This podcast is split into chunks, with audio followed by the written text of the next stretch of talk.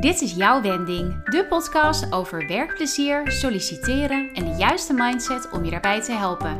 Ik ben Wendy van Wijngaarden en als loopbaancoach geniet je zoveel meer dan gewoon een baan. Door delen van mijn tips en inzichten wil ik je aanmoedigen om in actie te komen op weg naar je leukste werk en leven. De eerste stap heb je al gezet door nu te luisteren. Het is tijd voor jouw wending.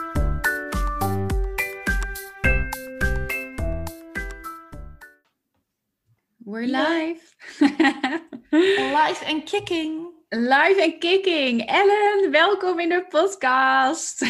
Dankjewel, dankjewel. Ja, heel erg leuk. Nou, we hebben net alweer eh, veel te uitgebreid eigenlijk zitten, zitten voorbespreken. Misschien hadden we sommige dingen ook wel moeten bewaren voor, uh, voor nu. Uh, maar dat, dat geeft helemaal, helemaal niks. Ik zat ook even terug te denken aan waar, hoe kennen wij elkaar nou eigenlijk? Um, ik weet niet meer. Wij kennen elkaar natuurlijk vanuit de recruitmentwereld. Maar ik weet niet meer of wij op welk event of zo wij elkaar nou voor het eerst ontmoet hebben. Je bent op zoek naar de allereerste ontmoeting. Um... Nou ja, de allereerste ontmoeting was denk ik op Twitter. Oh, dat denk ik ook, ja. Ja. Ik zit niet meer op Twitter ondertussen, maar um, bedacht ik me deze, dat bedacht ik me deze week in één keer. Maar dat terzijde. Oh. Uh, nee, ik denk online en vervolgens op events en nou ja. Ja, ja. en toen hebben we nog uh, samen een training hebben we gemaakt. Ja. Uh, in de Instagram voor die recruiters training. Wat echt heel erg leuk was om dat samen, samen te doen en te onderzoeken. Klopt. Ja. Ja, en nu, nu zijn we allebei aan het podcasten. Ja, ja. Nou, we begonnen inderdaad lekker met deze opname. We hebben volgens mij uh, even moeten zoeken welk programma we gingen doen. Maar um, ja, allebei aan een podcast inderdaad. Dus dat uh, sinds het moment dat wij elkaar hebben ontmoet, is er denk ik bij beide heel veel uh, veranderd. Maar dat is, dat waar we het over gaan hebben. Ja, inderdaad. Ja, over, over jouw wendingen. En daar zitten ook wel wat parallellen in bij ons. Uh, waarin jij volgens mij steeds iets voorloopt op mij, heb ik het, uh, heb ik het idee. steeds dan, ben ik, dan ben ik benieuwd of het een goede voorbode is. ja, precies. Ja. Dat zou zomaar kunnen, inderdaad. Mooi. Nee, dat is waar. Dat is waar. Ja, want uh, nou ja, we, we, hadden het... Wat zeg je? Ik zeg, er zitten parallellen in. Dat klopt inderdaad. Ja. Misschien is het leuk om de mensen die jou nog niet kennen... om daar eens wat meer over te vertellen wie jij bent en wat jij op dit moment doet. Ja, helemaal goed. Top. Um, jeetje, waar gaan we beginnen? Nou, mijn naam Elle van Dieren. Um, 36 jaar, bijna 37, dat duurt niet lang meer. Um, woon in Amsterdam en op dit moment ben ik uh, zelfstandig ondernemer. Dat is niet altijd zo geweest. Na heel veel jaren in loondienst geweest zijn er een paar mooie wendingen gekomen. Um, maar op dit moment um, heb ik ongeveer vier jaar mijn eigen bedrijf, wat de recruitment trainer heet. En ik zeg altijd, je moet dingen niet moeilijker maken dan ze zijn. Ik geef recruitment trainingen. Dus uh, na eerst zelf lang het vak uitgevoerd te hebben, ja, doe ik nu uh, eigenlijk niets anders dan kennis delen. Dus dat kan inderdaad online zijn, inspiratiesessies, spreken op events, in company trainingen. En um, dat is waar ik me voornamelijk mee bezig hou qua werk. Nou, er komt een beetje een wending aan, maar daar uh, ga ik straks wat over vertellen. Ja. Um, verder kan je mij iedere dag vinden op een yogamat. Ik heb dat uh, denk ik een jaar of zes geleden ontdekt. Um, dus yoga is voor mij een belangrijk onderdeel van mijn leven. Intussen ook ademwerk, wil ik ook zeker nog iets over gaan vertellen. Um, verder ja, we hadden het over kennis delen is voor mij belangrijk. Ik leer aan de hand van boeken en schrijven. Daar hadden we het net toevallig over. Um, verder ben ik veel te vinden buiten. Iedere dag een wandeling. Ja. In de mooie stad Amsterdam. Dus, Kijk um, graag mee naar je foto's van de mooie zonsopkomsten en uh, zonsondergangen. Ja. ja, het is te gek. Ik woon hier in Amsterdam um, op Java-eiland, dus aan het ei. Dus dan hebben we altijd een heel mooi uitzicht waarvan ik uh, graag foto's maak. Dus ja, dat zijn de dingen waar ik me een beetje mee bezig hou. En lekker ja. eten, koken, een healthy lifestyle, dat, dat is het een beetje. Dat zijn wel de onderwerpen waar ik uh, door getriggerd ben. Ja. Ja, ja, dat is denk ik uh, het beeld wat, uh, nou ja, in ieder geval het beeld wat ik ook van jou heb. en ik denk ook van veel mensen die jou, die jou online volgen. dat dat eh, is wat zij van jou meekrijgen. Nou, dan doe ik het daar goed in ieder geval. Ja, ja, precies. Dan ben je online gewoon zoals je, zoals je ook in het echt bent. Dat is het doel ook, hè, natuurlijk. Ja, nee, heel zeker. authentiek. Heel ja, authentiek. Ja, het blijft echt een buswoord, maar het is wel echt de waarheid en alles. Op het moment dat we onszelf kunnen zijn, een beetje authentiek, als je dat uh, bij jezelf ontdekt, dan denk ik dat dat ook de basis is van iedere stap die je neemt. Ja, oh, wat een mooie. Nou, ben ik wel met je eens. Ja. Ja, de, daarmee uh, um, echt jezelf durven zijn. Ik denk dat veel wendingen uh, daarmee beginnen. ik denk het ook. Ik denk dat het de basis is van iedere wending. Weet je, als, jij, als je inderdaad, kijk, weet je, echt jezelf durft te zijn en daarna durft te handelen, dan weet je, dan, ontstaan, dan ontstaan ze wel. Ja, in ieder geval de zelfgekozen wendingen. Ja. Dan, uh, want soms, uh, ja, er zijn ook dingen die je overkomen natuurlijk, maar um, de zelfgekozen wendingen inderdaad, dat, ik denk dat dat uh, heel erg zit in um, ja, je, eigen, je eigen hart volgen. Dus vertel eens, wat is, uh, wat is het eerste? Ja, je hebt hem net al eventjes stiekem naar mij genoemd. De eerste, um, zeg dat, het eerste belangrijke moment in jouw leven waarop je echt je hart volgde en uh, een behoorlijke wending maakte. ja, ik denk, ik even denken hoeveel jaar geleden is het ondertussen? Acht jaar geleden, acht, negen? Nou ja, nee, dat is het moment. En dat zal misschien, jij herkent hem, dat je lang in een relatie zit. Van mijn achttiende tot mijn 28ste. Dus dat nou, is zo lang zat ik het uh, Nou ja, ik dus wel tien jaar. Ja. Uh, een relatie die je denk ik uh, vormt met iemand waar je mee opgroeit. Je, tot je op een gegeven moment de conclusie komt ja, dat je beide niet ja, jezelf ontwikkelt en um, dat zo'n relatie ophoudt. Nou, zo'n relatie had ik. Uh, waarin je eigenlijk heel goed uit elkaar gaat, maar tot het punt komt van: oké, weet je, we hebben allebei andere behoeften. Um, ik kom oorspronkelijk uit het noorden van het land. Dus uh, Drenthe ben ik geboren, gewoond, Groningen gestudeerd. En ik woonde daar eigenlijk, uh, nou, nog altijd in die, in die relatie, een koopwoning. En we kwamen op een punt dat we dachten: ja, weet je, dit, dit werkt niet meer. En toen heb ik best wel een aardige wending uh, gemaakt. Want we hebben het huis verkocht en ik heb mijn spullen gepakt en ben naar Amsterdam gegaan. Ik denk dat we trouwens daarin wel parallel liepen qua tijd. Dus ja? dat jij daarin niet voorliep op mij. Want volgens oh, mij kijk. ook uh, 28, 29. Ja, nou, ja precies. Dus um, ja, nee, en dan kom je inderdaad op zo'n wending dat je, dat, je alleen in een stad komt. En uh, ja, dat was voor mij een moment dat ik, als ik daarop terugkijk, dat het moment was dat ik echt voor het eerst, denk ik, eigen keuzes ben gaan maken. Ja, ja want kun je dat nog een beetje terughalen voor jezelf, hoe dat dan, hoe dat dan was? Ik kan me voorstellen dat, uh, nou ja, zeker als je ook niet um, ja, niet gewend was om veel in de stad te zijn, dan is Amsterdam natuurlijk wel meteen het, uh, het andere uiterste. Um, maar je, je kende daar waarschijnlijk ook nog niet zoveel mensen. Nee, ja, het was wel echt het uitste, want ik ging ook aan de Korte Leidse Dwarsstraat wonen. Dus meer in het centrum en bij het Leidseplein kon niet. Dus ik, nee. ik had hem inderdaad wel, uh, wel goed te pakken. Um, nou, mijn beste vriendin woonde al in Amsterdam, dat maakt dingen makkelijker. Ja. Ik werkte destijds bij, uh, bij Timing, uit zijn bureau, heb ik tien jaar lang gewerkt. Um, en daar werd, als ik daar nu op terugkijk, eigenlijk maar enorm goed gefaciliteerd in de wending die ik maakte. Want ik werkte um, uh, in Hoogveen. Nou, ik ging naar Amsterdam en eigenlijk kon ik mijn baan meenemen. Dus er was een plekje in Amsterdam ah. voor mij bij de werkgever. Ja. Um, de eerste woning die ik had uh, aan de Korte Leidse Zwarstraat, die heb ik ook via uh, de commercieel directeur van Timing. Die via via wist hij daar een studiootje voor mij. Um, dus als ik daar naar terugkijk, weet je, en ik heb ja. het veel over goed werkgeverschap, bedenk ik me nu pas hoe fijn het ja, was en hoe het is dat ook is. dat ik eigenlijk daarin best wel gefaciliteerd werd. Um, ja, wat eigenlijk heel bijzonder was. Ja, weet je, en dan kom je inderdaad in een plek waar je niemand kent, maar dat kan soms op zo'n moment ook even heel lekker zijn. Ja. Weet je, en gaandeweg um, ontstaat het weer. Weet je, ik heb eerst tijdelijk ergens gewoond, een half jaar.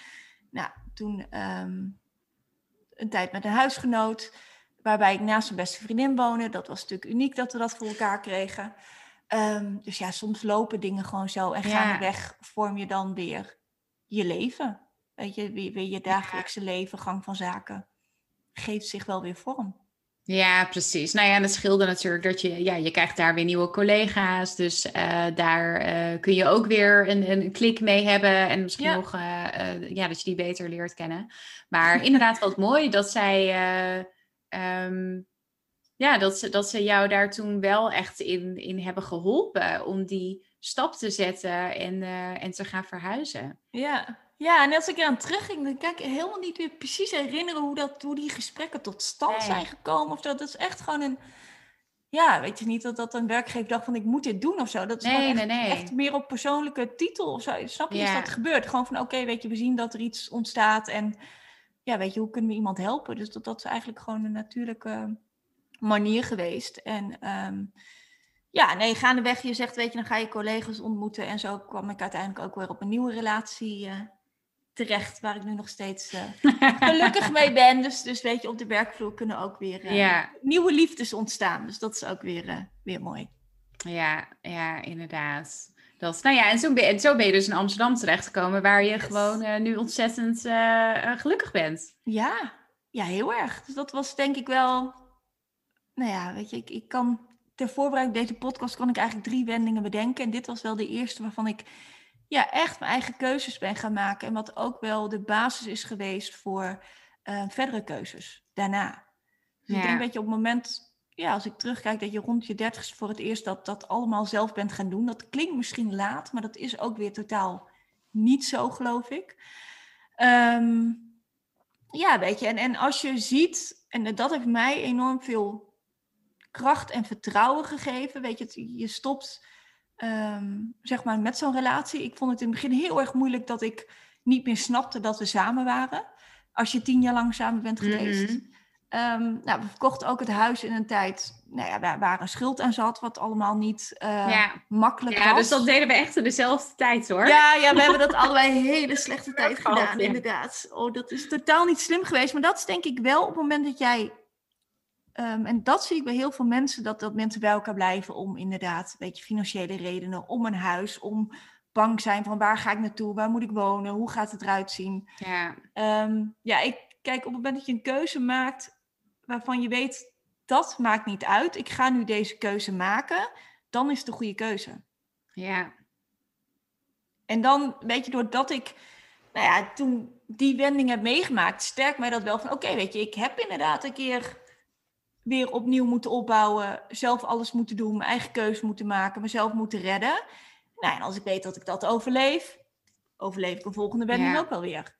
Ja, dat geeft heel veel vertrouwen dan. Ja, ja je, weet je, je leert jezelf beter kennen. Je, je leert, tenminste, dat, zo was het voor mij ook echt. In die tijd dat ik, nou inderdaad ook huis verkocht met, uh, met schuld. En, um, en ook destijds via een collega een studiootje gevonden uh, in Utrecht. Um, uh, dus dus dat, dat, is bij mij toen ook via iemand van mijn werk, uh, heb ik toen een andere ja. woonruimte gevonden.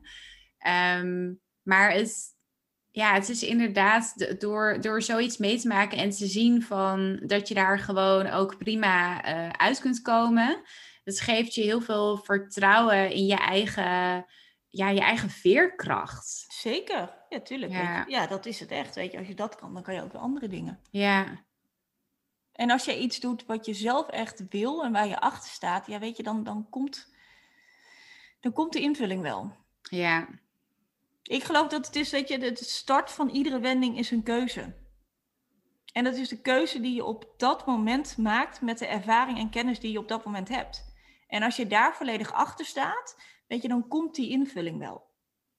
Ja. En als je nu terugkijkt, weet je, dat vind ik ook tijd. Ja, weet je, had ik de keuze die ik heb gemaakt, had ik die nu anders gemaakt? Ik geloof van niet. Um, omdat het een onderdeel van je is en omdat je die keuze op dat moment maakt met de kennis en ervaring die je dan hebt. Dus iedere ja, keuze die ja. je maakt, iedere keuze die je maakt, vind ik een goede keuze. Ja, ja. Dat, dat, klinkt misschien een beetje stom. Nee, ik, ik, ben het echt volledig um, met je eens. Dit is precies hoe ik er ook naar kijk. Ja, zo is het. Op dat moment is het dan de keuze die je maakt en je staat erachter en dan, dan komt het gevolg wel. Ja. ja, dus jij bedoelt met zou je, als je erop terugkijkt, zou je nu een andere keuze maken? Um, je zou nog steeds, zeg maar, de Ellen van toen had nog steeds die keuze gemaakt. Maar jij zou misschien op dit punt in je leven een andere keuze maken vanwege de kennis en ervaring die je nu hebt. Maar destijds heb je, uh, en dat is op elk punt in je leven. Je maakt, ja, ik geloof dat ook heel erg. Je maakt altijd, zolang je een beslissing maakt met, met de, beste, de beste bedoelingen Ehm, dan meer dan dat kun je ook niet doen. Je doet het inderdaad met de kennis en ervaring die je op dat moment hebt. En het kan zijn dat je ehm, drie dagen later al denkt van, oh, met de kennis en ervaring die ik nu heb, ehm, zou ik deze keuze, zou ik volgende keer deze keuze maken. Maar het heeft inderdaad, ik, ja, ik geloof ook niet dat het dan zin heeft om daar spijt van te hebben. Uh, want je hebt gewoon, ja, op dat moment heb je het, het best mogelijke gedaan. Ja, dat is het ook. Hè? En dat is ook als je kijkt naar mensen ehm, in je omgeving. Want als je een keuze maakt, weet je, of er komt een wending, dan zijn de mensen in je omgeving die daar iets van vinden. Ehm, ja, dat, is, dat vind ik belangrijk dat je dat loslaat. Want die mensen, bijvoorbeeld wat je ouders ervan vinden of wat dan ook. Denk, ja, weet je, die mensen zitten er heel anders in. En hebben inderdaad andere ervaring, hebben andere kennis. Dus ja snap je, je kan advies van mensen aannemen, je kan er naar luisteren, maar uiteindelijk, snap je, doe je het op basis van ja, hoe het voor jou voelt en wat jij wil. En die andere mensen die hebben inderdaad een hele andere kennis en ervaring. Dat, dat kan je meenemen in een keuze, maar dat mag niet laten leiden. Nee. Nee, want iedereen heeft ook zijn eigen, ja, zijn eigen referentiekader. Precies, ja. Daarin. Ja. Nee, eens. Totaal. Dat is, uh... hey, en, en jij werkte toen dus bij, uh, bij Timing nog. Um, en daar was jij, was jij, was jij intercedente of hoe? Uh... Uh, toen ik naar Amsterdam ging, um, uiteindelijk heb ik daar dus overstap gemaakt naar, uh, naar vestigingscoördinator, nee, vestigingsmanager moet ik zeggen. Um, dus ik had daar inderdaad in, de, in het centrum een team van incidenten ah. en recruiters die ik, die ik aanstuurde. Dus ik ben eigenlijk ooit begonnen als incident bij timing, recruiter, vestigingscoördinator, vestigingsmanager. Nou, je ziet dat je een beetje zo'n lijn van hiërarchie pakt, dat heel veel mensen ook heel normaal vinden ja. in, uh, in hun ontwikkeling. Um, en dat, dat heb ik inderdaad uiteindelijk tien jaar gedaan, dus ook in Amsterdam, waarbij ik op een gegeven moment, nou ja, weet je, ik, ik was in Amsterdam, ik was weer gezetteld. Um, het is altijd denk ik wel mooi, want ik heb ooit van iemand gehoord dat, dat je eigenlijk drie wees hebt wat je basis is. En dat is wonen, um, nou eigenlijk vier. Dat is zeg maar wonen, welzijn, wederhelft en werk. En als je... Ah. Leuk, leuk wees voor wending. Voor ja, wending, ja, dus inderdaad. iets mee. Maar als je, ziet dat je, ja, maar als je ziet dat je in eentje iets verandert, dat het invloed heeft op de rest. Dus ik kan zeggen, weet je, ik ben begonnen inderdaad met, oké, een wijziging van je wederhelft, dus je relatie. Nou ja, dan komt er een wijziging van woning. Um, en bij mij was vervolgens was er ook wel een wijziging um, in werk. Ja. Dus ik, ik heb inderdaad een aantal jaar in Amsterdam gewerkt. En toen dacht ik gegeven ja, het is heel logisch dat ik in de hiërarchische lijn ben gekomen. Maar word ik nu echt blij van een team aansturen? Uh, toen kwam ik tot de conclusie dat het niet het geval was. Dat ik dacht, ja, weet je, er staat altijd of een klant waar ik zeg maar de boel kan opknappen. Of er staat iemand aan mijn bureau waarbij ik iets moet regelen. En ik voelde heel erg dat ik in dienst stond van anderen, maar niet meer zozeer um, deed wat ik echt leuk vond. Um, ja. En toen heb ik de keuze gemaakt om, uh, om mijn baan op te zeggen na tien jaar. Wat ik ook best wel weer een stap vond. Want ik zat tien jaar bij een bedrijf. Weet je, dat, daar ben je dan ook weer een beetje één van. Ja. Ik merk dat ik heel loyaal ben aan relaties, aan werk. Dat is ook wel weer een dingetje. Um, maar toen heb ik mijn baan opgezegd. En toen ben ik, uh, heb ik een overstap gemaakt um, naar een bedrijf maar ik, um, ja, weet je, ik zag op een gegeven moment, dacht ik, ja, in de uitzendbranche, we zijn nog heel erg bezig met uh, schieten met hagel. Nou ja, mensen die niet snappen wat dat betekent, is dat je eigenlijk een beetje ongestructureerd werft. Het werven van nieuwe mensen. En ik dacht dat kan gestructureerder met gerichte arbeidsmarktcommunicatie, met data. En dat is ook de reden dat ik vakinhoudelijk een overstap ben gaan maken. Um, waarbij ik op dat moment ook al kennis delen heel leuk vond na tien jaar. Dus uh, ja. toen ben ik een deel als, als, freelance trainer al wel begonnen naast mijn baan. En toen heb ik een jaar gewerkt bij een uh, arbeidsmarkt databureau. Um, dus dat was eigenlijk een, een, wijziging in werk, wat dan vaak best wel weer een gevolg is. Um, nou, en na een jaar kwam er eigenlijk weer een wending. Want ik zat in een baan um, ja, waar ik op een gegeven moment mezelf gewoon niet, niet optimaal meer in voelde. Ik, ik merkte denk ik een maand lang, dat was in een zo'n periode. Weet je, ik moest iedere dag van, van Amsterdam naar Rotterdam reizen. Ik dacht, dat maakt niks uit. Maar ondertussen vond ik het verschrikkelijk in die trein. Ehm, ik merkte dat ik was gewend om ja, zelf als manager leiderschap te hebben. Ik merkte dat ik dat in die rol niet helemaal kwijt kon. Ehm, en dat ik eigenlijk steeds kleiner werd. Weet je, en dat ik op zondagavond dacht van, oh, ik heb morgen eigenlijk echt geen zin om, om naar te gaan. En dat gevoel heb ik denk ik een maand lang gehad. Maar ik was al redelijk snel bij dat ik dacht, dit gevoel moet niet voortduren. Te lang gaan duren, ja. Um, want als dit voortduurt, dan word ik er niet leuker op voor mijn omgeving, voor mijn werkgever, voor mijn thuissituatie en voor mezelf. Um, en toen heb ik, ik weet dat ik in zo'n moment zat dat nou, je bent bijna dat jaar rond en dan kom je in je functioneringsgesprek. Ja. Dat weet ik nog als de dag van gisteren hoe ik daar naartoe ging. Want ik dacht, oké, dan kom ik in dat functioneringsgesprek en gaan we dan een jaar verlengen. En toen dacht ik, ja, ik wil helemaal geen jaar verlengen. Maar ik dacht, ja. dat, is dat logisch? Wat, wat ga ik nu doen? Dus ik, ik zei tegen mijn vriend, ik zei, ja, ik heb morgen dat functioneringsgesprek, maar ik weet eigenlijk helemaal niet of ik verder wil. En de kans is groot dat ik dat ga zeggen, maar ik ga niet mijn baan opzeggen. Maar ik, ik weet niet hoe het na morgen eruit ziet. Ehm, en dat hoe, hoe reageerde hij daarop? Want ja. Ik, ja, nee, dat is. Het is. Ehm, ja, goed. Weet je, ik, ik heb uh, een vriend die alle vrijheid en vertrouwen daarin geeft. En dat is voor mij echt extreem fijn. Dus iemand die vertrouwen heeft in wat ik doe en in welke keuze ik maak. En dan zei ze, weet je, op het moment dat jij deze keuze wil maken, um, ja, moet je dat doen. Dus, ja, ja, wat ik, ja dat, dat klinkt... Dus je voelde je wel echt gesteund uh, daarin? Ja, maar ook omdat hij wel ziet van, oké, weet je, dit is doordacht wat ze doet. Um, en ook het vertrouwen van, oké, als dit niet gebeurt, dan redt ze zich wel. Ik had echt zoiets van, ja, weet je, kan gewoon een nieuwe baan zoeken. Wat, ja. wat is het probleem? Of ik weet niet wat gaat gebeuren, maar dat functioneersgesprek, dat kan ik me nog heel goed herinneren. Het was op een woensdag. Dus ik gaf zo voorzichtig aan, ja, ik weet niet. Nou ja, en toen werd gezegd, ja, weet je, gaan we dit voortzetten, ja of nee? Nou, daar gingen we allebei over nadenken en kwamen eigenlijk wel tot de conclusie dat we daar op een uh, ja, gezamenlijke manier, uh, denk ik dat we allebei andere intenties hadden, verwachtingen. En toen is het eigenlijk heel snel gegaan dat, uh, dat ik mijn baan daar, daar ben gestopt. Dus op een woensdag had ik een gesprek en op maandag heb ik mijn spullen ingeleverd. Nou, het was een dinsdag en toen had ik geen baan.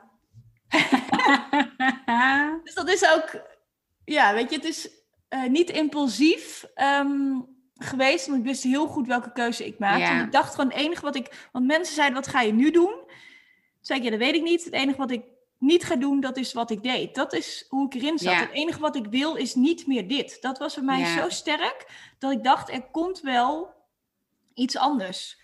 Um, ja. En wat ik deed, ik gaf heel veel recruits en incidenten al uh, trainingen. Weet je, ik leerde dus met data werken. Ik was uh, freelance trainer ergens. Toen dacht ik, ja, wat vind ik het allerleukste? Dat is eigenlijk kennis delen.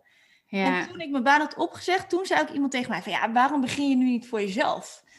Nou, dat was, ik denk dat wij toen drie weken naar Italië op vakantie zijn gegaan. Toen heb ik daarover nagedacht. En toen ben ik daarna, dacht ik, ja, waarom ga ik het niet gewoon proberen? Ja. Ik ben uiteindelijk in een rol van ondernemer gestapt. En ik krijg nu heel vaak de vraag van mensen: van, hoe heb je dat gedaan? Hoe zeg je je baan op? Hoe word je dan ondernemer? Ja, ja precies. Totaal niet. Ik had nooit de wens om zelfstandig ondernemer te worden.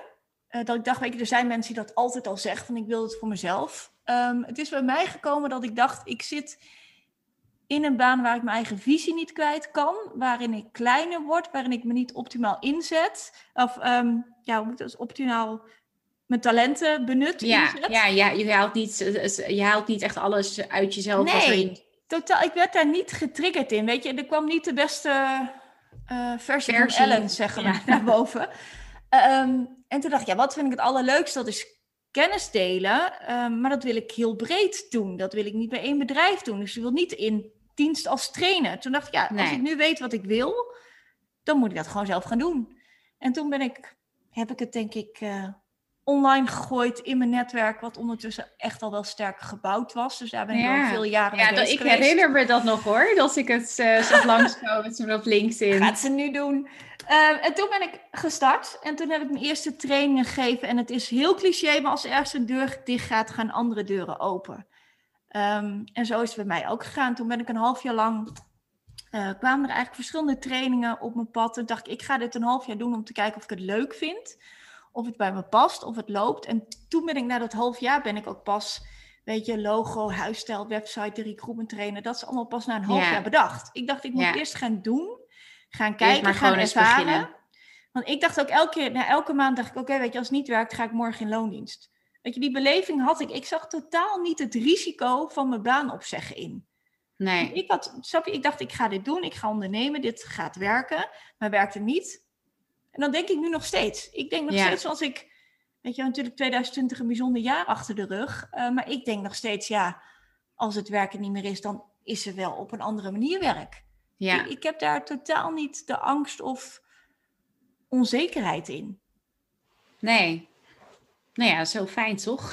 Ja, ja, nee, ja. maar ik, eh, en ik kan me soms, dat klinkt ook wel, ja, ik, ik vind het soms gewoon lastig dat heel veel mensen dat wel hebben. Ja. Want ik zou zo graag willen dat mensen zeg maar, met, vanuit geloof van hun eigen kunnen en met een open vizier kunnen kijken naar hun mogelijkheden.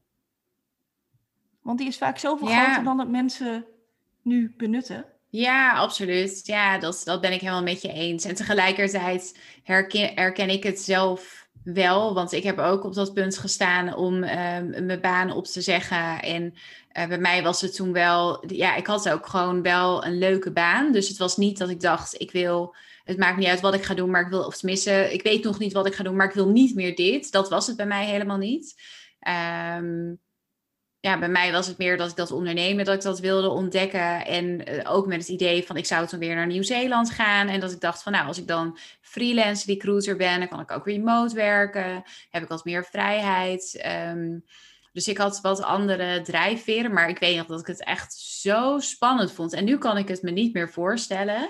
um, en ik herinner me ook nog dat in die begintijd heb ik het daar ook met jou over gehad. En dat uh, wat ik toen nog uh, ervaarde als onzekerheid, uh, dat, jij, dat jij zei van, oh nee, dat, voor mij is dat vrijheid. Ja. En nu zie ik dat ook. Dus nu heb ik ook die, um, die onzekerheid, dat, dat voel ik niet meer. Het voelt nu inderdaad echt als vrijheid. En als ja. je daar eenmaal aan geroken hebt, en je, ja, weet je, je, je houdt daar zo van zoals wij dat doen, dan, um, dan, ja, dan wil je ook eigenlijk niet anders meer.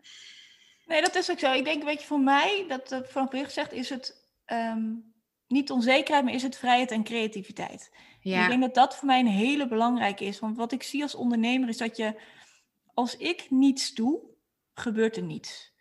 Um, dus bij mij raakt het heel erg, um, zeg mijn, mijn, mijn uh, scheppingskracht, weet je, creativiteit. Weet je, ik moet iets ontwikkelen, want anders gebeurt er niks. Dus dat ja. vind ik denk ik het mooiste, weet je, die vrijheid dat je mag doen wat je zelf wil, om het zo maar te zeggen. Maar ik vind dat heel veel mensen dat een beetje bijna te idealistisch maakt, snap je? Want dan heb je de vrijheid dat je, nou, weet je, dat, dat je niet aan kantoortijden en thuis kan werken. En dat is na 2020 en corona-verhaal is dat achterhaald, vind ik. Want ja, geldt dat, dat voor bijna iedereen. Nee, maar dat, dat vind ik best wel een mooie stap. Dat we dus zien van, oké, we, we krijgen meer vrijheid of een ja. andere invulling van werk. Ook bij heel veel mensen, ja. ja. bij heel veel mensen, zeg maar, daarom uit loondienst stapten, omdat ze dat graag wilden. Um, maar voor mij is het ook veel meer die creativiteit. Weet je, die, die keer dat wij bedachten, dat wij dachten, oh, we gaan inderdaad een Instagram-cursus doen uh, voor recruiters, want het leek ons zo leuk. Ja, ik weet nog dat ik tegen jou zei, we moeten gewoon eerst gaan verkopen en dan moeten we maken. Ja. En zo werkt mijn proces ook. Weet je, ik bedenk een training of een masterclass of, snap je, iets wat ik ga doen. En dan ga ik dat, weet je, dat, dat creatieproces vind ik het allerleukste. En zo ook, weet je, als ik niks creëer, gebeurt het, dat merk jij nu zelf ook. Weet je, als jij nu niet een loopbaanprogramma creëert, of mm -hmm. diensten creëert, of snap je, content maakt, gebeurt er niks. Ja. Dus je bent continu aan het creëren. Um, en als je niets hebt bedacht, ja, dan geloof ik erin dat je het gewoon online moet gaan zetten en moet verkopen. En dat je uiteindelijk ja. het daarna gaat maken. Weet je, heel veel ja. mensen. En dat is met alle keuzes zo. Hè? Of, of je nu een keuze maakt om, om een andere stap te maken in je leven. Of om een product te lanceren. Of content te maken. Of wat je ook doet. Ik heb het idee dat mensen veel te veel dingen willen uitdenken. Maar ik geloof dat je nooit iets volledig uitgedacht kan hebben. Ja, ja, klopt. Je, je, maakt ja, een keuze. Ja, ja. weet je, je kan bedenken, oh, dit zijn de scenario's. Of ik maak een product en ik verwacht dat mijn doelgroep er zo op reageert. Maar je kan hem nooit volledig uitgedacht hebben. Nee, je, je weet uiteindelijk pas uh, als je het echt gaat doen. Dat, ja. uh, ik heb dat ook. Ik had een uh, podcast opgenomen over mijn, ehm, mijn lessen van 2020. En een daarvan was echt ook dat ik zo sterk heb ervaren um, dat. Um, ja, in het Engels zeggen ze dan action creates clarity. Dus actie zorgt voor duidelijkheid of helderheid. Dat ja. pas toen ik echt um, aan de slag ging met, uh, met, met, met weet je, die website. Daarvan zegt ze natuurlijk ook. En jij zei ook van, nou, ik ging eerst maar eens uh, werken uh, of het uh, um, geld verdienen als de recruitment trainer en kijken of ik dat leuk vond. En toen pas die website doen. Ik heb dat wel in een iets andere volgorde gedaan, want ik wilde gewoon graag een, die site hebben.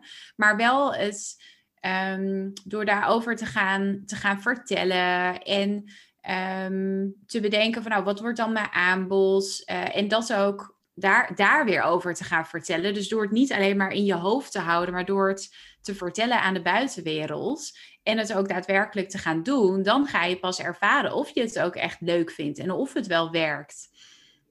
Zeker, ik bedoel, dus, je ja. uit, uitspreken en gaan doen is inderdaad, weet je, dat, dat is waar het proces begint. Ja, ja, dat is uh, waar ik trouwens net nog wel even aan dacht. Want jij zei uh, van nou ja, als uh, één deur dicht gaat, dan gaan er ook alweer andere open. Dat geloof ik natuurlijk ook helemaal. Um, wat bij jou denk ik wel heel erg heeft geholpen, is jouw netwerk. Ja. dus jij was ook toen jij nog in loondienst was. En dat is misschien wel een leuke om ook mee te geven aan iemand die nu luistert en die misschien wel overweegt om te gaan ondernemen of uh, om naar een andere baan over te stappen. Dat het um, gewoon heel erg helpt als je uh, zichtbaar bent, bijvoorbeeld op LinkedIn, en daar veel kennis deelt uh, en dat mensen weten waar je voor staat. Ehm, ik denk dat dat jou in de opstart van de recruitment trainer, dat dat wel heel erg geholpen heeft. Of zie ik dat verkeerd? Ja, ik denk dat dat de basis ook is van, van succesvol ondernemen. Of inderdaad ja. de stap naar, naar iets anders. Kijk, je moet Um, ja, weet je, ik geef ook heel veel training, weet je, noem het inderdaad online zichtbaarheid, personal branding, weet je, het maakt niet uit welke, welke kant je op gaat. Het gaat erom dat je um, ten eerste inziet natuurlijk ook wat je eigen waarden en drijfveren en dergelijke zijn, dat je doet waarom je doet. En als je dat weet en dat durft uit te dragen, dan neem je mensen mee in een verhaal. Um, kijk, ik ben heel bewust inderdaad met, met die zichtbaarheid online begonnen. Um, en, en niet om, weet je, als we het hebben over personal branding, weet je, dan, dan vind ik dat waarde toevoegen aan je netwerk, zichtbaar zijn, waarde toevoegen, waardoor je makkelijk benaderbaar bent. En ik denk dat of je nu werkgever bent, weet je, of uh, recruiter of ondernemer of loopbaancoach of werkzoekende of in welke functie je ook zit. Ik geloof dat het altijd loont als jij online zichtbaar bent. Ja. Um, investeert in je netwerk. Kan ook offline hebben, weet je het, het, het, gaat erom dat je connecties maakt met mensen voor langere tijd. Ja. Heel veel mensen zeggen, ik zit nu in een baan. Uh, weet je, dat bevalt goed, maar je weet uiteindelijk niet waar dat netwerk goed voor is. Als je continu daaraan bouwt, connecties legt met mensen. Als ik nu kijk, ik krijg nu aanvragingen voor trainingen van mensen waar ik tien jaar geleden collega-incident mee was. Of um, ik kreeg vorige week nog een, een aanvraag van een training van er was een jongen die werkte toen bij de concurrent bij Randstad. En wij waren ooit een keer bij een klant samen geweest. En die kwam nu, na acht jaar, kwam hij met de vraag: hey, ik weet dat, daar, dat ze daar iemand zoeken als spreker.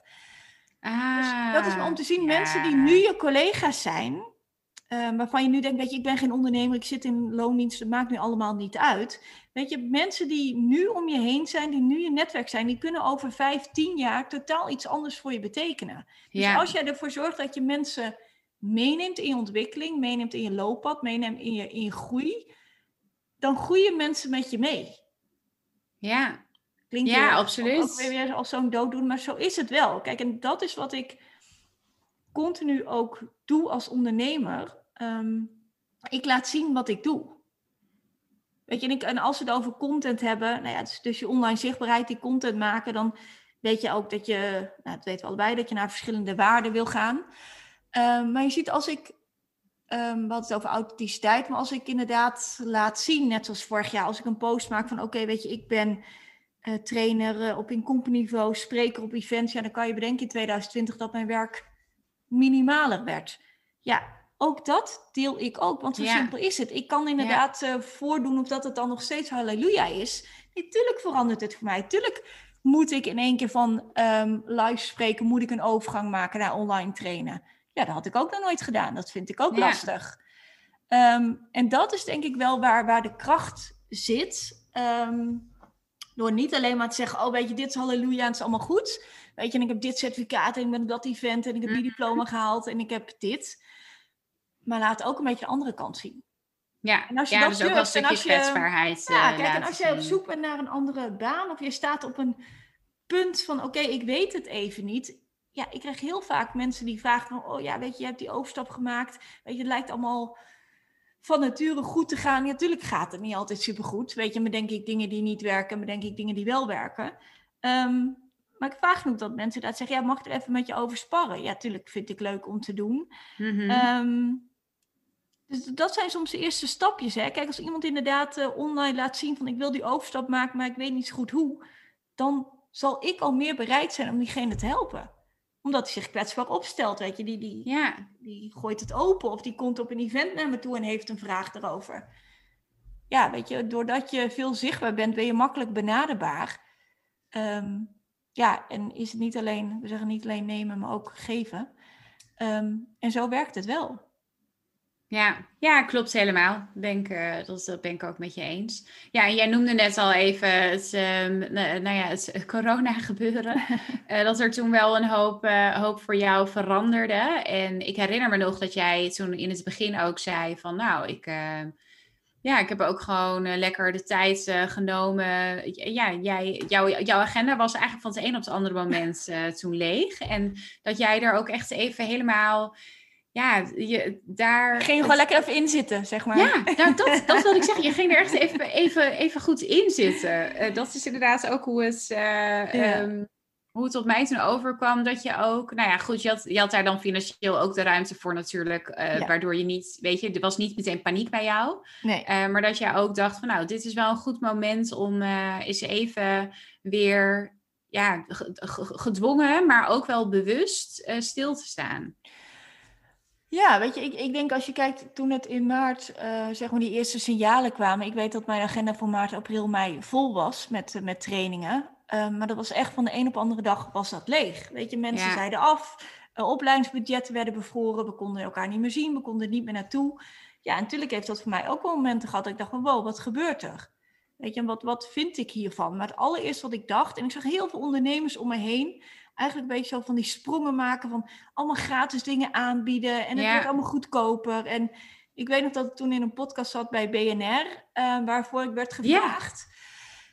En het enige, het enige dacht, wat ik dacht, dat wil ik overbrengen, is dat ik niet geloof in dat wat je nu doet, dat het minder waard is. Ik, ik vond het heel, ja, ik snapte het deels wel van mensen dat ze gingen doen, maar ik dacht ook van ja, weet je, als ik normaal x bedrag vraag voor deze training, ga ik niet in één keer de helft vragen. Omdat vanuit angst, weet je, mijn kennis en inhoud is nog steeds van dezelfde waarde. Ja. De inhoud is dezelfde waarde en de prijs vind ik dezelfde waarde.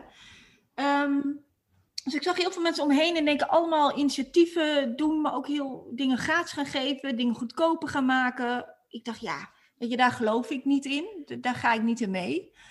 Ehm, nou, en jij geeft natuurlijk al heel veel gratis, hè? Met jouw blogs en je nieuwsbrief en je webinars. Dus het is ook niet dat mensen, als ze, als ze iets van jouw kennis willen meekrijgen, dat ze dan meteen moeten betalen. Dat geldt alleen voor, uh, voor echte trainingen. Maar los daarvan deel jij constant gratis uh, kennis. Ja, maar dat is ook uiteindelijk waar ik in geloof. Ik zie dat heel veel mensen het lastig vinden en bang zijn dat ze te veel kennis. Ja, ik geloof je deelt nooit te veel kennis. Want laten we wel zijn, als ik een hele dag train, dan deel ik enorm veel kennis. En we weten, nou ja, weet je, als 10% wordt onthouden is veel. Dus als ik een blog schrijf, weet je, en, en als je daar 10% van onthoudt, kan ik een week daarna kan ik een video maken waar je 10% van onthoudt. Kan ik twee weken daarna kan ik je een training geven in een dagdeel waar je 10% van onthoudt. Dus snap je, mensen hebben heel mhm. vaak herhaling nodig. Ja. Ik geloof dat je niet te bang moet zijn dat je te veel kennis deelt en dat je daardoor je diensten niet meer waard zijn. Dat, ja,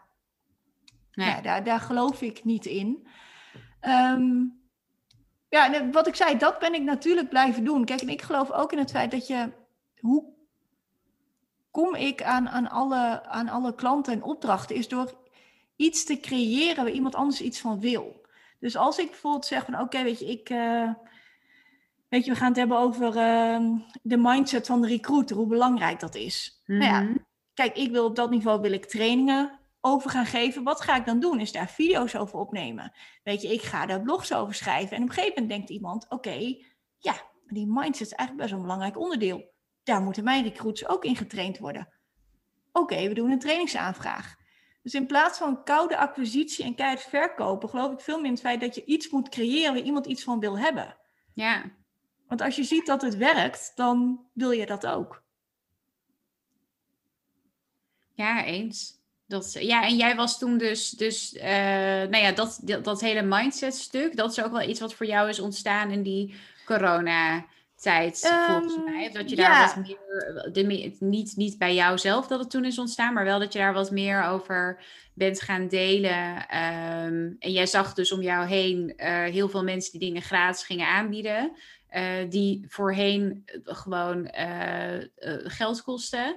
En daarvan zei je van, nou, dat ga ik niet doen. Maar jij bent toen wel wat meer gaan delen over hoe je mindset je kan helpen in die tijd. Ja, ja, weet je, dat is ook waar ik zelf, wat ik al zei, weet je, ik ben ehm vervent eh, yoga-beoefenaar. Weet je, twee jaar geleden een opleiding staat tot een yoga-teacher training. Dus ik mag ook ehm, doseren. Ehm, nou, dat is denk ik, ja, weet je, misschien een beetje een, een parallel wat is gaan lopen. Weet je, ik had het net over die Ja. wees, als we het hebben over, weet je, wederhelft en dan wonen ging veranderen, dan werk en toen kwam ik op welzijn. Ja, Ehm, dat is voor mij het afgelopen jaar, en ik denk voor heel veel mensen natuurlijk, een heel belangrijk thema geworden nog. Nog veel meer. Dat ik op een gegeven moment ging kijken, oké, weet je, mijn werk valt weg. Wat doet het met mij? Ja, Snap je, wat doet het mentaal met mij? ja. Weet je, en dan zijn momenten dat ik dacht, oh weet je, ik kan wel huilen, ik vind het verschrikkelijk. Niemand zit op mij te wachten, ik ben niet van toegevoegde waarde. Die momenten had ik. Op Mhm. momenten dat ik dacht, ja, oké, weet je, ik ga even op mijn yogamat zitten, weet je, en of je nu gaat yoga of qigong of mediteren of ademoefeningen doet, ik maakt niet zoveel uit welke ingang je kiest. Ehm, weet je, of, of spirituele boeken gaat, gaat lezen, dat, dat, dat iedereen heeft zijn eigen ingang daarin. Haha. Eh, maar voor mij heeft, doordat ik in één keer veel meer vrije tijd kreeg, op een gegeven moment dacht ik, ik heb, een, ik heb te veel vrije tijd, dat vond ik ook nog wel een dingetje.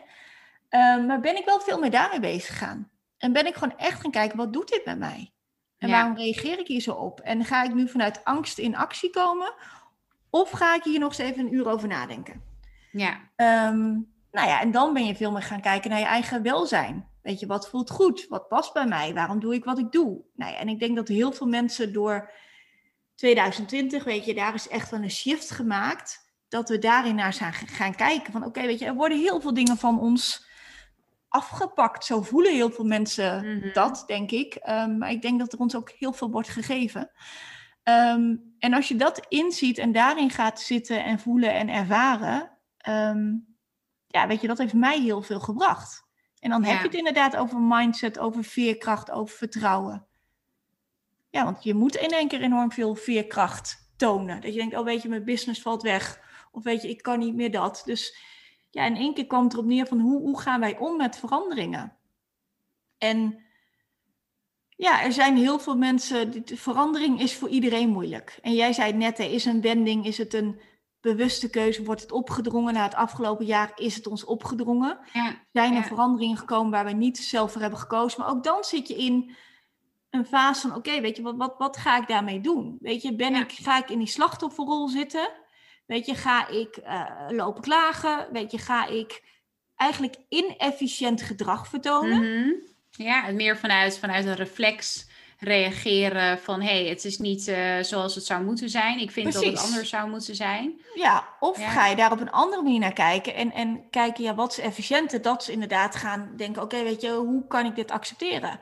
En dan kom je Ja. in ac- accepteren, weet je, en kom je uiteindelijk in anticiperen. En hoe ga ik daar dan Ja, naartoe? Dus weet je, waar komt die veerkracht? De veerkracht bestaat van, oké, weet je, kan ik iets accepteren en vervolgens ander gedrag op laten zien? Kan ik herstellen? En dat, dat is, weet je, fysiek heb je veerkracht nodig, maar ook mentaal. ja, En dat is waar door je eigen ervaring, dat, dat heeft zeg maar mijn proces nog weer in een, in een stroomversnelling gezet. En ja, weet je, ik, ik heb afgelopen jaar daarin iets nieuws gevonden als, als ademwerk, waarvan ik dacht, oh, het allermooiste wat je daarin kan doen is gewoon gaan zitten en ademen en naar jezelf luisteren. Ehm, dus ik ben daar heel veel boeken over gaan lezen. Dus weet je, dat ja. naast yoga en mindfulness en meditatie kwam dat voor mij er nog extra bij. Dus ik ben daar podcasts over gaan luisteren en boeken gaan lezen. Ik zat net in mijn boekenkast, die staat achter mij, dat kunnen jullie niet zien. Ik keek ernaar. Um, ik denk dat er tussen acht boeken staat dat alleen maar gaat over adem. Ja. Oefeningen, ja. over breathwork, over transformational breathing. Um, ja, dat was wel echt jouw ontdekking uh, van het afgelopen jaar. Was, ja, weet je, ik deed dat in yoga. Weet je, ik, ik vond het altijd al heel interessant hoe adem en lichaamsbeweging synchroon lopen en, en hoe dat kan, uh, kan creëren. En toen dacht ik, ja, dan ga ik, als ik in het najaar nog steeds minder training heb, dan ga ik een opleiding doen tot ademcoach.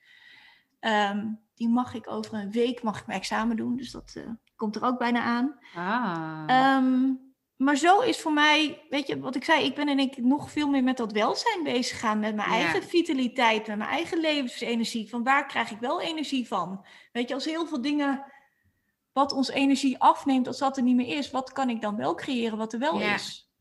Uh, ja. Ja, dus, dus ja, daardoor is er voor mij ook echt nog wel weer een extra wending gekomen. Ja, inderdaad. Ja, want eigenlijk door nou ja, een situatie die ons allemaal is opgelegd, zoals jij het ook, uh, ook zegt, en wat heel veel impact had op uh, jouw uh, bedrijf, zeg maar jouw werk vanuit de recruitment trainer, ja. Um, is er nu eigenlijk, of eigenlijk, is er nu een nieuw bedrijf ook aan het ontstaan. Ja, ja dat is ook dat is wel weer. Ik vind dit, ik zit nu midden in een wending en die vind ik ja, spannend ja. hoor.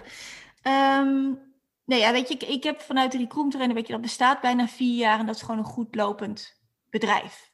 Weet je, dat, dat, het is een lopende stroom van opdrachten aanvragen. Weet je, het zijn, ja, weet je, gewoon goede tarieven die je kan vragen. Dus financieel is dat een hele gezonde basis. En kom ik nu op zo'n punt dat ik denk, ja, ik, ik merk dat ik mijn interesses worden groter.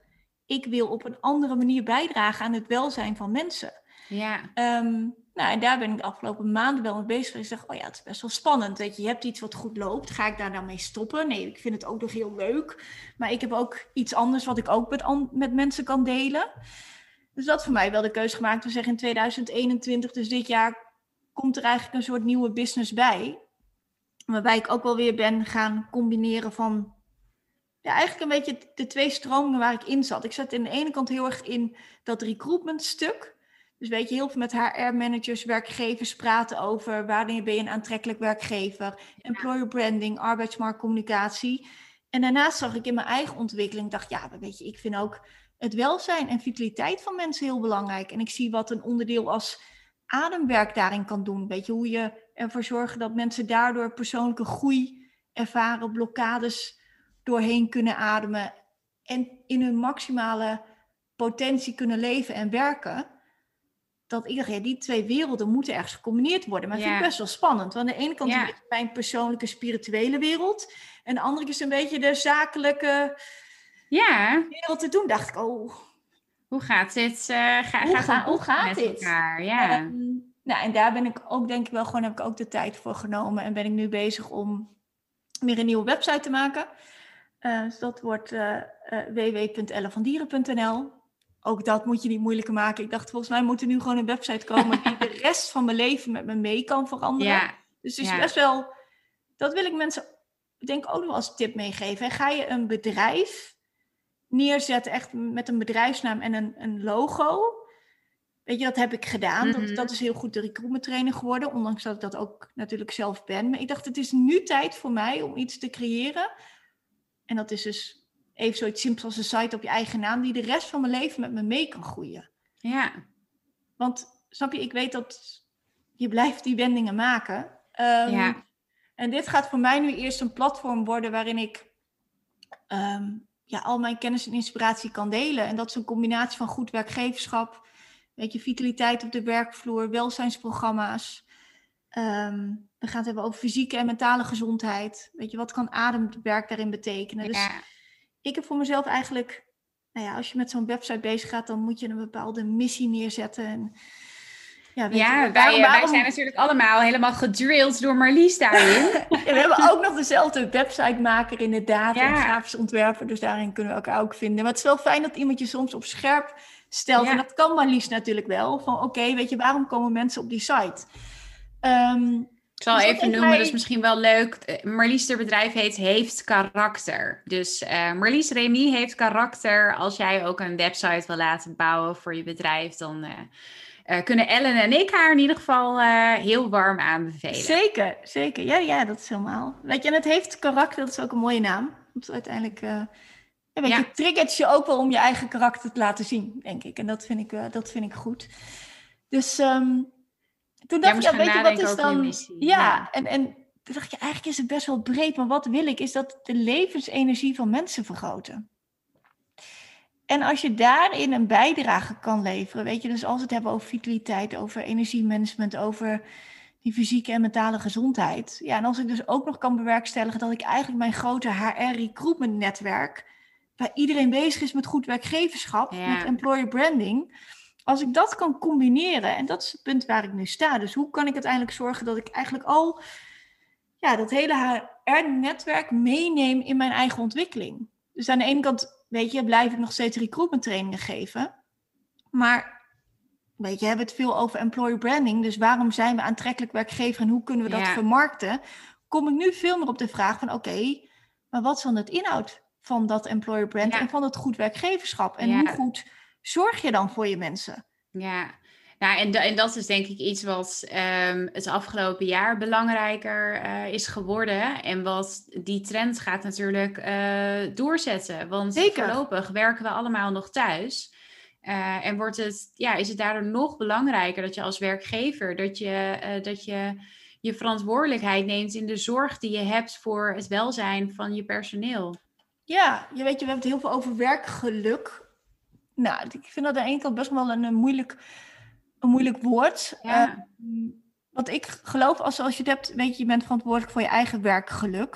Um, en ik zie dat werkgevers, ik, ik vind dat die mensen zijn niet verantwoordelijk voor het geluk van de mensen, maar wel verantwoordelijk voor het welzijn en het creëren van de best mogelijke werkcondities.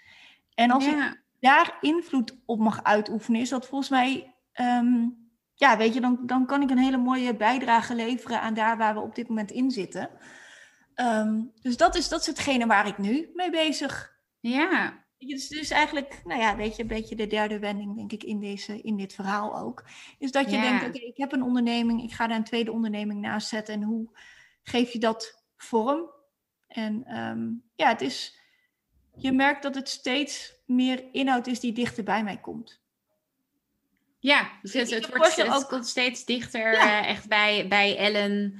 Ja, en als we het hebben over het allereerste begin, hè, dat, dat, die authenticiteit, die echtheid, snap je? Ik merk dat ik nu, weet je, recruitment is nog steeds een prachtig vak en daar help ik heel veel mensen in. Um, en soms, ja, denk ik ook, ja, we kunnen ook zonder dat woord of zo, snap je? Maar we kunnen mm. zonder onze levensenergie. We kunnen niet zonder het creëren van vitaliteit en welzijn. Dus Snap je, dat is voor mij echt het grootste inzicht geweest. Ik dacht, weet je, nu komt het nog dichterbij. Ja. En dat vind ik soms ook alweer spannender, want dat betekent, weet je, ik, ik had inderdaad een logo en een bedrijf en een gele kleur en dan kon ik me lekker achter verschuilen. Ehm, nu kom ik op het punt dat ik dacht, ja, nu moet ik toch ook wel mijn eigen ervaringen gaan delen. Ja, dus ja, ja want jij had, ja, je had echt, ja, jij hebt je imago als uh, de recruitment trainer, wat uh, alsnog ook heel authentiek is. Maar ik kan me voorstellen inderdaad dat um, ja, deze, de, deze nieuwe weg. Oh, er komt, uh, komt even een kat bij. Iedereen wil je nog wat zeggen? Nee. ze zitten tegenwoordig in elke podcast praat ze mee. Dus uh, ik denk dat iemand die meer afleveringen luistert, het wel inmiddels weet. maar ik kan me voorstellen dat nu met deze, uh, nou ja, weer deze wending waar, waar je nu eigenlijk middenin zit, dat dat inderdaad nog dichter bij jou komt. En, ja. um, uh, en dat je ja, nog meer van, je, van jezelf ook gaat, uh, gaat laten zien daarin. Ja. ja, dat is wat ik zei. Dat is inderdaad ook alweer, dat is nou, gezonde spanning, zeg maar. Ja. Dat, dat brengt ook iets van mee. Denk van ja, weet je, ik kan als je het hebt over die fysieke en mentale gezondheid, ja, dan vind ik ook dat ik mijn eigen ehm, struggles en, en successen en, en ups en Mhm. downs mag laten zien. Ja, Ehm, en als we Ja. het hebben over ademwerk, hoe transformerend dat kan zijn voor heel veel mensen. Ja, weet je, voor mij heeft dat ook enorm veel opgeleverd. Weet je, en heeft dat ook inderdaad bepaalde, eh, weet je, een emotionele eh, wending weer gegeven aan het geheel. Ja. Ja. dan vind ik wel dat je dat ook mag laten zien. En daarin geloof ik wel, weet je, wat we social learning noemen. Weet je, op het moment dat je ervaringen eh, deelt en, en Ja. belevenissen, daar, dat is ook wat we in podcast doen. Hè? Weet je, dat is Ja. ook wat we nu doen.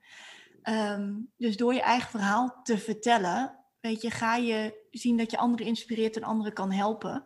Ehm, weet je, en daar zie je dat, dat zoiets als een podcast ook een mooi voorbeeld van is. Dat is een voorbeeld van social learning. Door jouw verhaal te delen, leren andere mensen weer iets van, krijgen ze inspiratie en zijn ze misschien in staat om ook weer een stap te maken. ja. Ja, ja, inderdaad. Dat is, eh, nou, laten we hopen dat we wat mensen eh, wat, wat, wat hebben. Dat mensen of iets hebben geleerd, of dat we ze in ieder geval minimaal hebben geïnspireerd door eh, Ja. het luisteren naar ons verhaal. Jazeker. Ons, ons, ons gouden hoer. Mooi. Hey, heb je nog, eh, want ik zie dat we al eh, best wel even aan het eh, kletsen zijn. Ehm, is er nog, je hebt net- net tuss- tussendoor al wel ook wat adviezen gegeven. Is er nog een advies dat je hebt voor iemand die nu luistert en die zelf tegen zo'n wending zit aan te hikken? Ehm Eén tip waarvan je denkt van nou, dat is, als, als ik je één tip mag geven, is dit hem? Ja, dat wil ik zonder te spiritueel te worden. Ehm, is denk ik dat lichaamsbewustzijn voor heel veel mensen een hele belangrijke is. En met lichaamsbewustzijn bedoel ik dingen als, weet je, het doen van yoga, meditatie, eh, wandelen, ehm, weet je, ademhalingsoefeningen, mindfulness, qigong. Het maakt niet uit welke kant je kiest. Mhm. Als jij in staat bent om zo af en toe op die stopknop te drukken, weet je, alles wat in je hoofd continu gaande is, al die gedachtegangen, zie je dat heel veel mensen door een combinatie van nou ja, stilte en, en lichaamswerk, lichaamsbeweging, zie ik dat, dat dat heel veel mensen gaat helpen. Want hoe meer je eigenlijk in je eigen lichaam zit, weet je, Ja, daarin durft te zijn, dat geeft ruimte om te luisteren naar je eigen intuïtie. Want we worden zo, weet je, er zijn zoveel prikkels en gedachtegangen en alles om je heen, Mhm. Waardoor we eigenlijk zo verstoord worden om te luisteren naar dat wat je eigenlijk al diep van binnen weet en wat Ja. jouw basis is van jouw wending.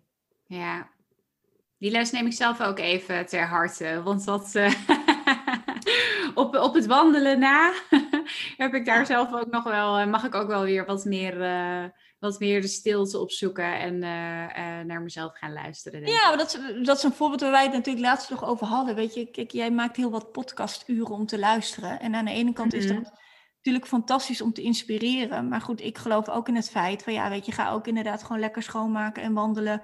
En eh, weet ik veel, in stilte. Want Ja. op dat moment, kijk, je kan continu gevoed worden. En dat worden we natuurlijk extreem. En dat kan inspireren. Maar ik geloof dat ook juist in stilte de inzichten Ja. komen. Dus ja, wijze les voor Wendy. Nee, grapje. Dank u, dank u.